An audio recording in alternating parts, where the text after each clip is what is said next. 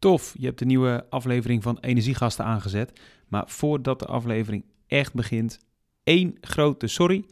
Er is namelijk iets misgegaan met de opname. Ja, dat is echt de grootste nachtmerrie van een podcastmaker.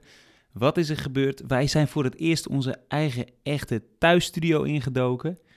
En er zit een kraak door de opname. Het is echt ongelooflijk. Onze gast, Jan-Willem Kelder van H2 Fuel, die heeft met zijn eigen huistuin- en keukenmicrofoon een betere opname weten te krijgen dan wij, Timo en ik.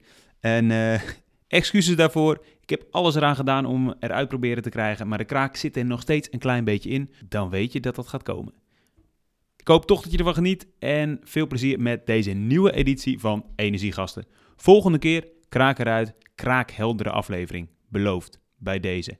En mocht je alles willen weten over sample rates en opnameapparatuur, nu weten we er echt alles van, dus kunnen we je ook alles over vertellen. Enjoy! We can change our dependence upon foreign sources of energy. We can make a fundamental difference for the future of our children. Hydrogen fuel cells represent one of the most encouraging, innovative technologies of our era. Dit is een nieuwe aflevering van De Energiegasten. George W. Bush zei dit in 2003. Nadat 9-11 was geweest, ging Amerika vol inzetten op waterstof. De waterstofrevolutie zou gaan gebeuren. Wat is daar 15 jaar later van over? Het lijkt erop alsof uit Nederland, met een Nederlandse vinding, de echte waterstofrevolutie nu echt kan gaan beginnen. Timo, dit is mooi hè? Ja, zeker. En wat ik nou zo mooi vind, is dat ze toen zijn ze begonnen, dus die Amerikanen, met Project Freedom Fuel. Het is wel grappig dat ze tegelijkertijd dan heel het Midden-Oosten hebben plat gebombardeerd om daar olie vandaan te halen, maar tegelijkertijd al met hun eigen vrijheid bezig waren. Precies. Um, waarom uh, gaan we het hierover hebben? Een tijdje terug uh, zag ik tegenlicht en dat ging over de energiecommissaris, Ruud Koornstra. En als je die aflevering gezien hebt, uh, dan weet je waar ik het over heb. Als je hem niet gezien hebt, ga die checken. Mooie aflevering. Hij zit daar op het duur aan tafel met onze eigen Mark Rutte. En hij heeft dan een potje wit poeder in zijn hand. Het is in het hele gesprek niet naar voren gekomen wat dat was. Of dat de supply was die hij aan Mark Rutte kwam overhandigen voor uh, zijn 80-urige werkweken. Ik weet het niet. Um, maar wij hebben het uitgezocht en het blijkt te gaan om een Nederlands bedrijf, H2 Fuel, dat daar waterstof gebonden heeft in dat potje. In een soort poedervorm, natrium bromhydride heet het geloof ik. Uh, gaan we het later over hebben met Jan-Willem Kelder van H2 Fuel. Maar voor we dat gaan doen hebben we um, uh, eerst, een, eerst een stuk over wat is waterstof nou eigenlijk. En een groot deel daarvan hebben we te danken aan onze gastredacteur van deze editie. En dat is Rob. Rob de Jeu. En hij heeft ons de afgelopen weken enorm geholpen. Heeft ook een blog over waterstof geschreven. Die link zullen we ook in de show notes zetten. Dus uh, voor de echte liefhebbers kun je het helemaal uitpluizen. En uh, Rob die, uh, heeft ons goed op weg geholpen om echt de basics van waterstof te begrijpen. En te begrijpen waarom waterstof nu echt heel belangrijk kan gaan worden in de energietransitie. Ja, want het is een energiedrager met een hoge energiedichtheid. En dat is eigenlijk waarom het veel potentie kan hebben. Ja, en hoe zit dat? Want je zegt energiedrager. Dat betekent dat het dus, dus een soort batterij is. Nou ja, je kan, je kan het gebruiken om er energie in op te slaan. En het weer daaruit te gebruiken, inderdaad. Dus het is, het is ja, in die zin een energiedrager. Maar heb je het dan over de. de want, want waterstofgas heb je dan, hè? Het is dan een gas. Mm -hmm. Ja, waterstofgas, dat is wat je dus uiteindelijk bijvoorbeeld kan gebruiken in een fuelcel. Een ja. fuelcel, dat is eigenlijk een soort uh, batterij waarin je allerlei laagjes op elkaar hebt zitten. En in die fuelcel kan je dus het H2 weer binden met zuurstof. En dan krijg je weer water. Mm -hmm. Maar dan krijg je ook elektriciteit en warmte als je dat dus in een fuelcel doet. Oké. Okay. Ja, dus het feit dat je die H2 apart hebt, geïsoleerd hebt, dat zorgt er eigenlijk voor dat je er weer energie uit terug kan winnen als je het laat reageren, in dit geval dan met uh, water. Oké. Okay. Uh, maar dat komt eigenlijk nooit voor in de natuur. H2 los komt nooit voor in de natuur. Het is altijd gebonden met iets anders. Het is altijd gebonden met iets anders, inderdaad. Dus ja, anders zou het natuurlijk mooi zijn, zou je het gewoon ergens vandaan kunnen, zou je het een soort van kunnen mijnen. Ja. Maar dat is niet waar. En er is dus uh, energie voor nodig om het ergens los te kunnen halen. Klopt. Dus, dus als ik bijvoorbeeld H2 uit water wil halen, dan moet ik daar, dat heb, dat heb je vroeger op school ook toch wel uh, met van die proefjes. Uh... Elektrolyse. Ja, dat. Ja, dan, dan stop je dus een, een pluspol en een minpol in water. Dan zet je daar stroom op en dan gaat het, gaat het water een beetje borrelen. En dan ben je waterstofgas aan het maken. Oké. Okay. Dus dat betekent dat als je pure waterstofgas hebt, heeft dat een hele, uh, dus een hele hoge energiedichtheid. Eh, omdat er dus energie voor nodig is geweest om dat eh, los te krijgen. En kun je het later weer gebruiken in een brandstofcel om die elektriciteit eruit te halen en daar bijvoorbeeld een auto op te laten rijden eh, of iets anders. Precies. En hier is in Nederland zijn ook al wel wat dingen mee gebeurd, toch? Met, met, met dit waterstofverhaal. Ja, nou ja, wat er natuurlijk veel gebeurt is, is dat elektrolyse. Dus dat is dat middelbare schoolproefje wat jij zegt. Alleen het probleem van dat proces is, is dat het vrij inefficiënt is. Dus, en, en vervolgens zit je met waterstofgas. En het probleem daarvan is dat het, eh, als je dat dus echt, als je dat waterstofgas zo hebt en je wil dat gaan eh, transporteren, dat het ehm, best wel lastig is. Want het is, als je het onder normale omstandigheden hebt, is het in gasvorm. Mhm. Dan moet je het heel erg gaan comprimeren om het nog een beetje normaal te kunnen transporteren. Om de dichtheid genoeg te hebben dat je bijvoorbeeld een auto eh, met een tank erin kunt hebben. Precies. En het is ook nog eens een keertje mega vluchtig. Want eh, het, het gaat zelfs al door staal heen. Dus je moet echt speciale eh, dichte tanken maken om ervoor te zorgen dat je dat waterstof ook echt kan eh, transporteren. Oké, En het is ook nog explosiegevoelig. dat is een lekkere mix. Ja, Levensgevaarlijk spul.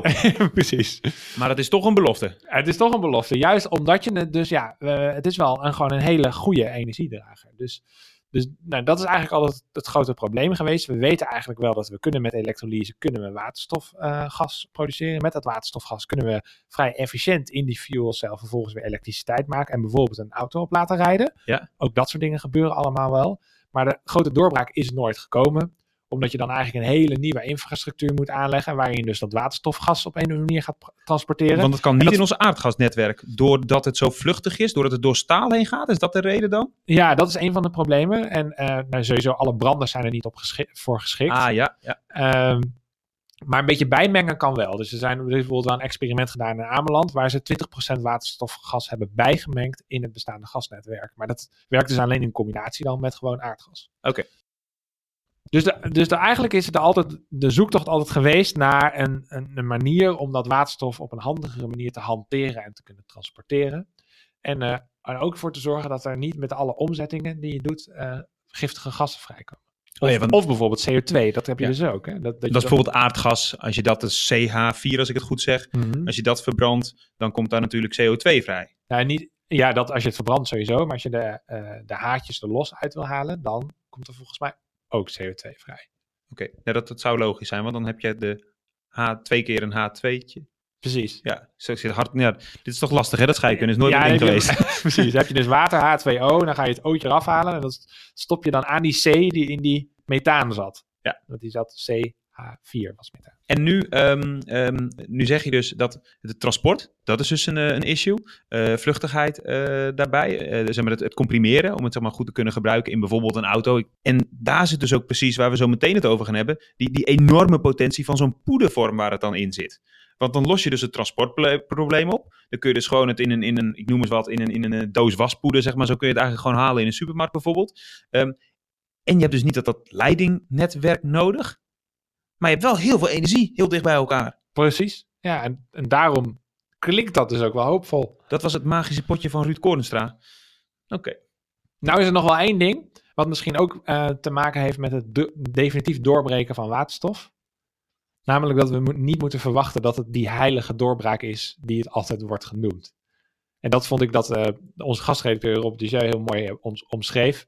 Hij zei ja, we hebben het altijd over de waterstofeconomie, alsof waterstof alles gaat vervangen. Maar misschien moeten we het wel hebben over waterstof in onze economie. Het is gewoon weer een deeloplossing die voor sommige dingen heel goed gebruikt kan worden. Mooi. Eén dingetje nog daarbij, dan is dat bijvoorbeeld dat je zo'n windpark hebt of een zonnepark, waarnaast je dan dat waterstof kan eh, creëren met een drager op het moment dat er te veel elektriciteit wordt geproduceerd. Hè? Dat is hoe het bijvoorbeeld in die economie ingepast zou kunnen worden. Precies. Tof. Ik ben wel benieuwd hoe dat eh, witte poeder, eh, hoe dat werkt. Ja, ik ook wel. Laten we Jan-Willem Kelder erbij halen.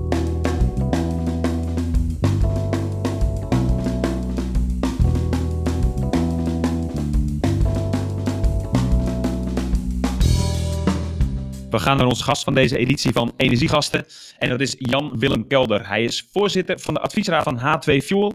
En dat doet hij terwijl hij al met pensioen is. Hij heeft heel lang bij TNO gezeten in de raad van bestuur.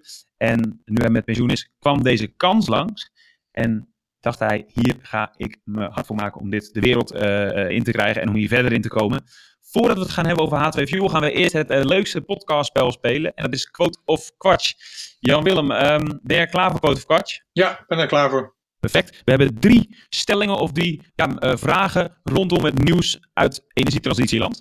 Drie vragen. Ik begin met vraag 1. En dat is de vraag. In 2016 werd in Nederland 525 megawatt aan zonne-energie geïnstalleerd. Afgelopen week kwam het Nationaal Solar Trend Report 2018 uit met de cijfers van 2017. En de vraag is dan ook, hoeveel is er in 2017 bijgeplaatst? Was dat A 505 megawatt aan zonne-energie, B 612 megawatt, C 745 of D 853? Jan-Willem, we beginnen bij jou. C. C 745. Timo, wat zeg jij? Ik zeg antwoord D, 853 megawatt. Volgens mij gaat het heel hard nu met zonne-energie. Het is inderdaad D, 853 megawatt is erbij geplaatst afgelopen jaar. Het gaat inderdaad heel hard. Uh, Solar Trend Report uh, stond bol van de goede groeiende cijfers. Dus de zonne-energie explodeert. We gaan naar vraag 2. 1 punt voor Timo, 0 nog voor Jan Willem. Zet hem op Jan Willem. En de vraag is, bij de zeer snelle groei van elektrisch rijden hoort een ander type bedrijf. Dat is een quote. Bij de zeer snelle groei van elektrisch rijden hoort een ander type bedrijf. De vraag is, wie zei dat? Zei A. Ingrid Thijssen dat, CEO van Alliander, over de afstoping van Allego? B. Remco Wilke, CEO van Van der Bron, die een separaat bedrijf voor elektrisch rijden heeft opgericht, Van de Paal? Of C. Elon Musk in een panelgesprek over het verschil tussen fossiele ouderwetse autofabrikanten en een bedrijf als Tesla? Timo, ik begin bij jou. A, B of C? Hmm. Uh, ik uh, twijfel tussen A en C, maar ik ga voor A, uh, Ingrid Thijssen van Alliander. Jan-Willem, wat zeg jij? Ook voor A. Ook voor A, klopt helemaal. Alliander heeft Allego in de, in de verkoop gezet. Um, en ze zeiden nog meer bij. Die stormachtige ontwikkelingen brengen grote investeringen met zich mee. Wij vinden het niet gepast meer bij Alliander om dit voort te zetten. Was natuurlijk al tijden wel kritiek ook op de rol van Allego in die, uh, in die laadpalen business. Um, en nu hebben ze dus ook gezegd, we gaan het verkopen. Ik ben benieuwd wie dat, uh, wie dat gaat kopen. Um, en dan de laatste vraag. Dat is de vraag over de Dakar Rally. Een energiebedrijf heeft daar een team uh, gehad in de Dakar Rally met een volledig elektrische auto die ook de finish heeft gehaald. De vraag is, welk energiebedrijf was dat? Was dat A, Engie? Was dat B, Shell? Of was dat C, Aconia? Ja, Willem. Nou, gokken C, Aconia. En Timo? Poeh. Ja, Shell heeft wel natuurlijk ook al met al die studentenrace dingen. Uh, dat je op één zo ver mogelijk moet komen op één liter brandstof. Dus ik kan me dit ook wel voorstellen dat dat daarin past. Jij gaat voor Shell? Ja, ik ga voor Shell.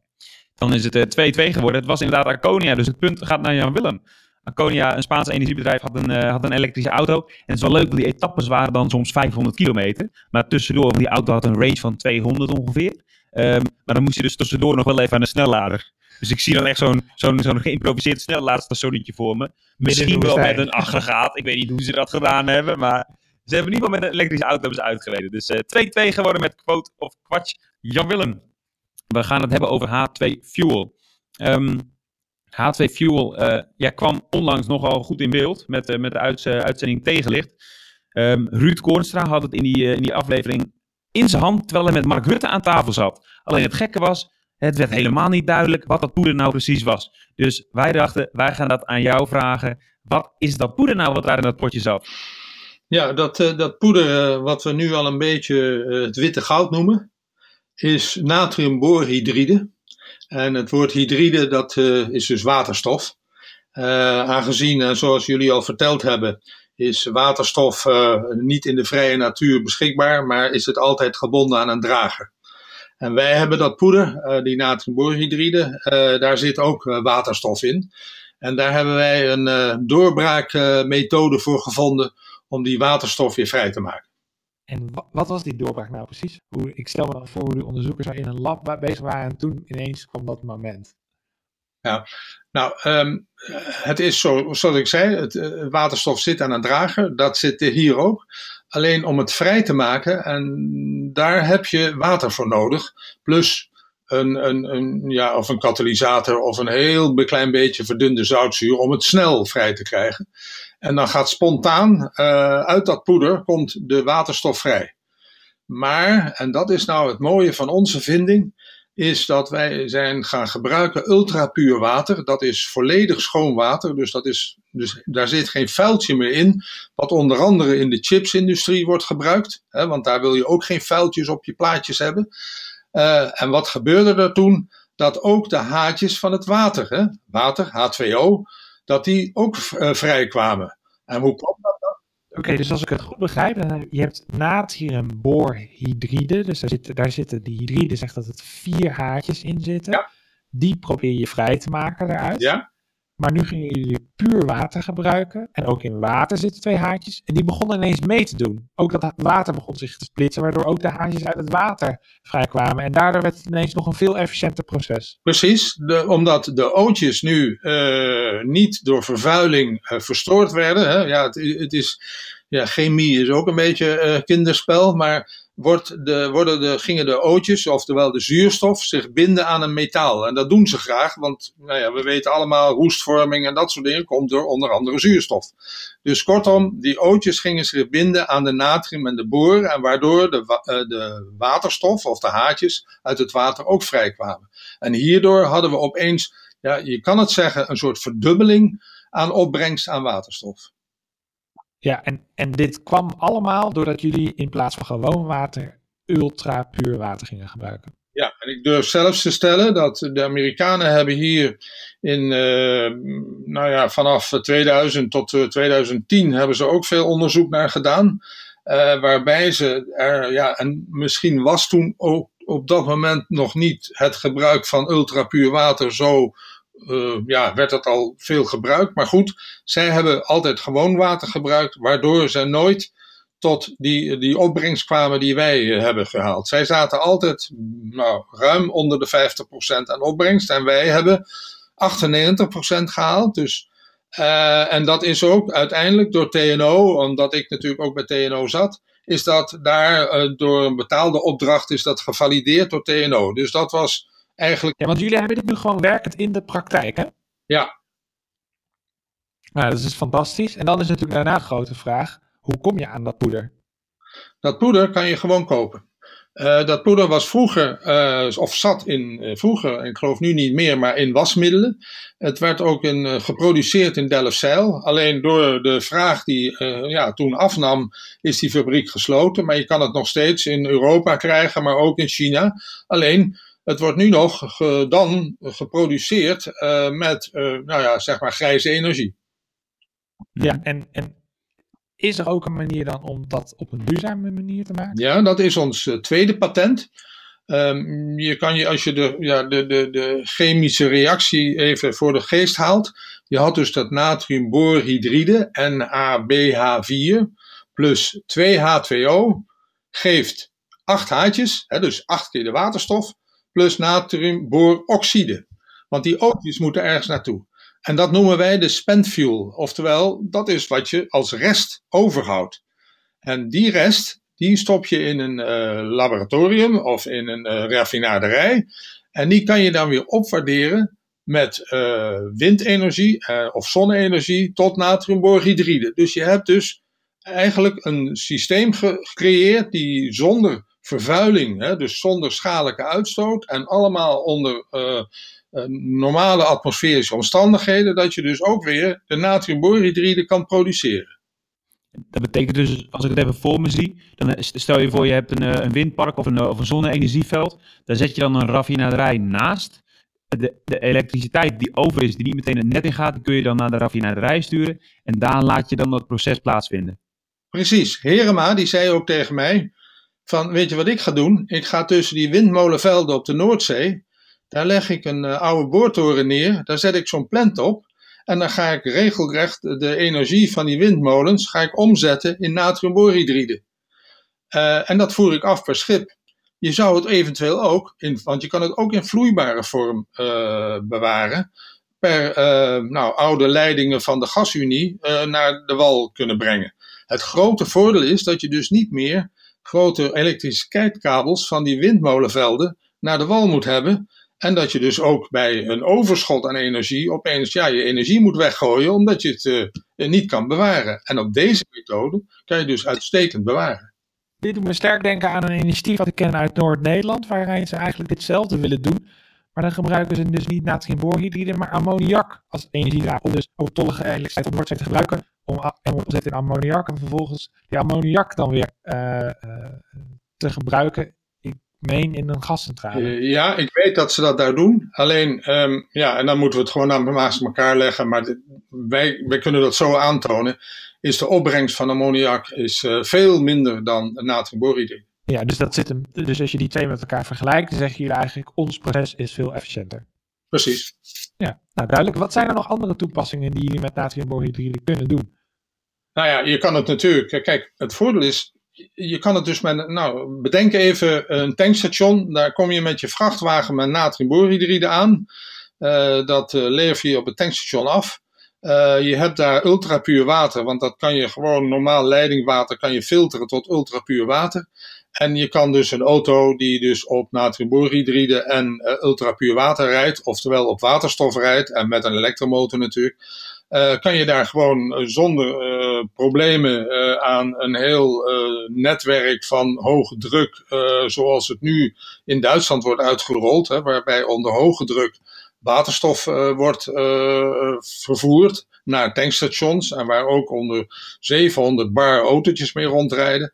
Nou, dus kortom, wij hebben daardoor een veel goedkopere manier om autootjes te laten rondrijden. Daarbij is het uh, qua uh, tankinhoud in een auto, uh, kunnen wij 2,5 keer of bijna drie keer zo ver rijden met natriumboorhydride en ultrapuur water dan met waterstof onder hoge druk. Maar dan is het eigenlijk voor het, vooral voor het watertransport misschien nog wel interessanter, toch, dan meteen voor auto's? Ja, zeker. Uh, het is uh, voor uh, vrachtwagens. Maar denk ook aan de scheepvaart. We zijn nu met de TU Delft ook in gesprek. En met reders en met binnenvaartschippers die allemaal zeggen, joh, en vissers op de Waddenzee, die allemaal zeggen, joh, dit is voor ons een uitkomst. Want wij kunnen hier met die natriumboorhydride en dat ultrapuur water, kunnen wij volledig schoon rond gaan varen. En de auto's zijn natuurlijk uiteraard dan ook schoon.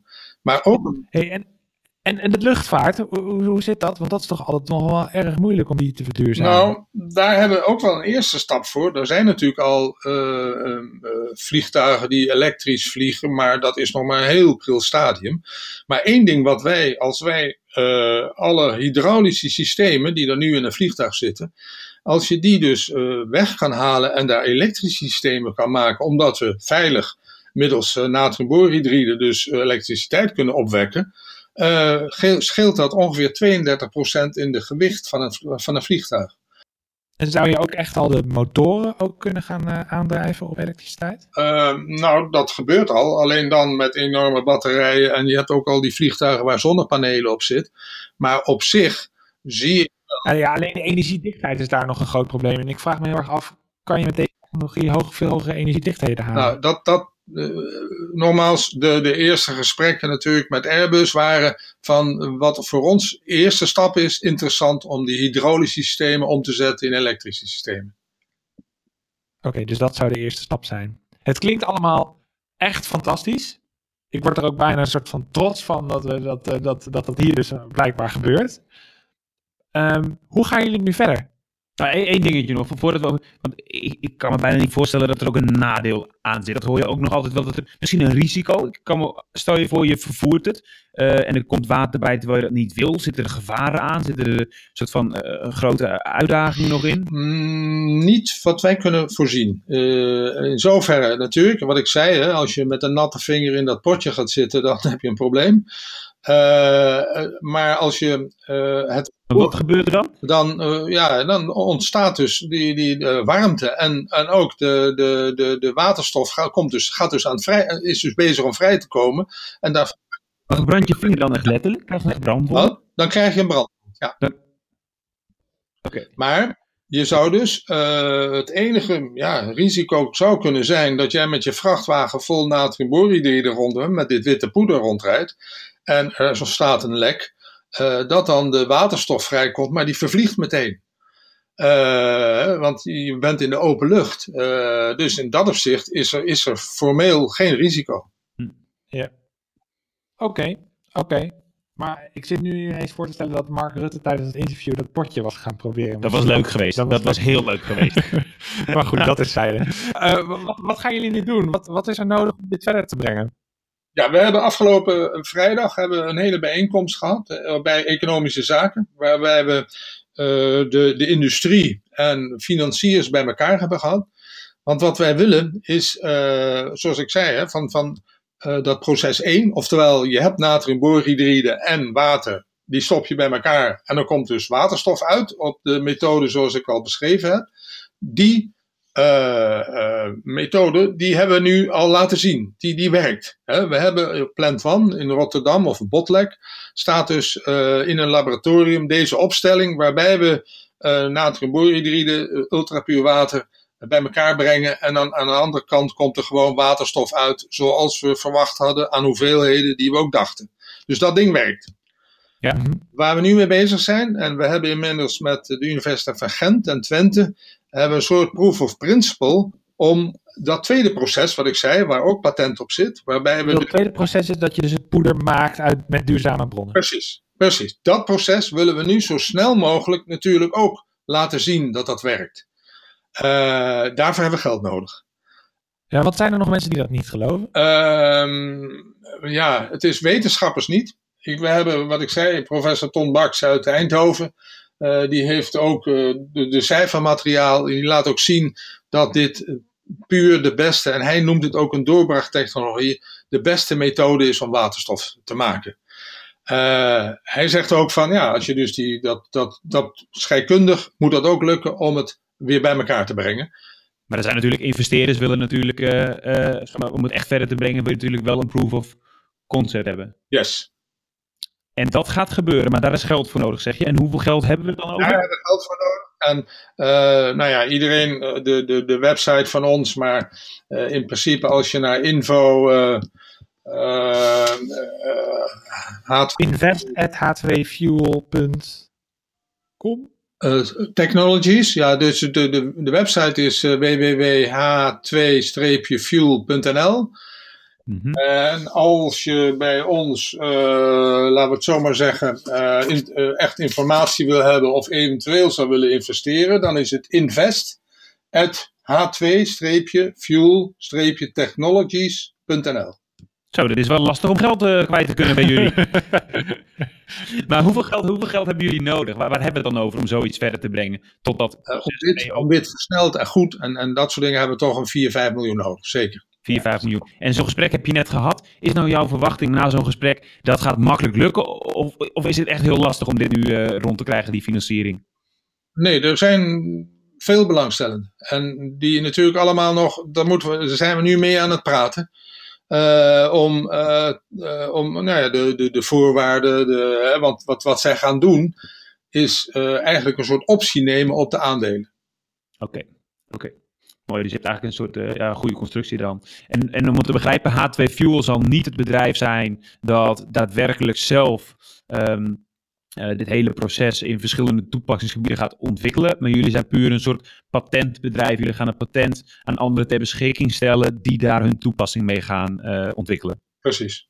Oké, okay. helder. Het is echt heel tof dit. Het witte poeder van Ruud Koornstra is eindelijk duidelijk. Ja, nou, en ik heb het hier ook staan. Het staat gewoon op tafel. ja. Mooi.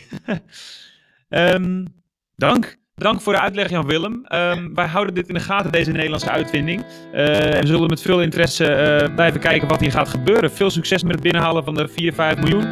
Um, en, uh, en, succes met het witte, het witte goud. Oké, okay, Timo, Peter, hartelijk dank voor dit gesprek.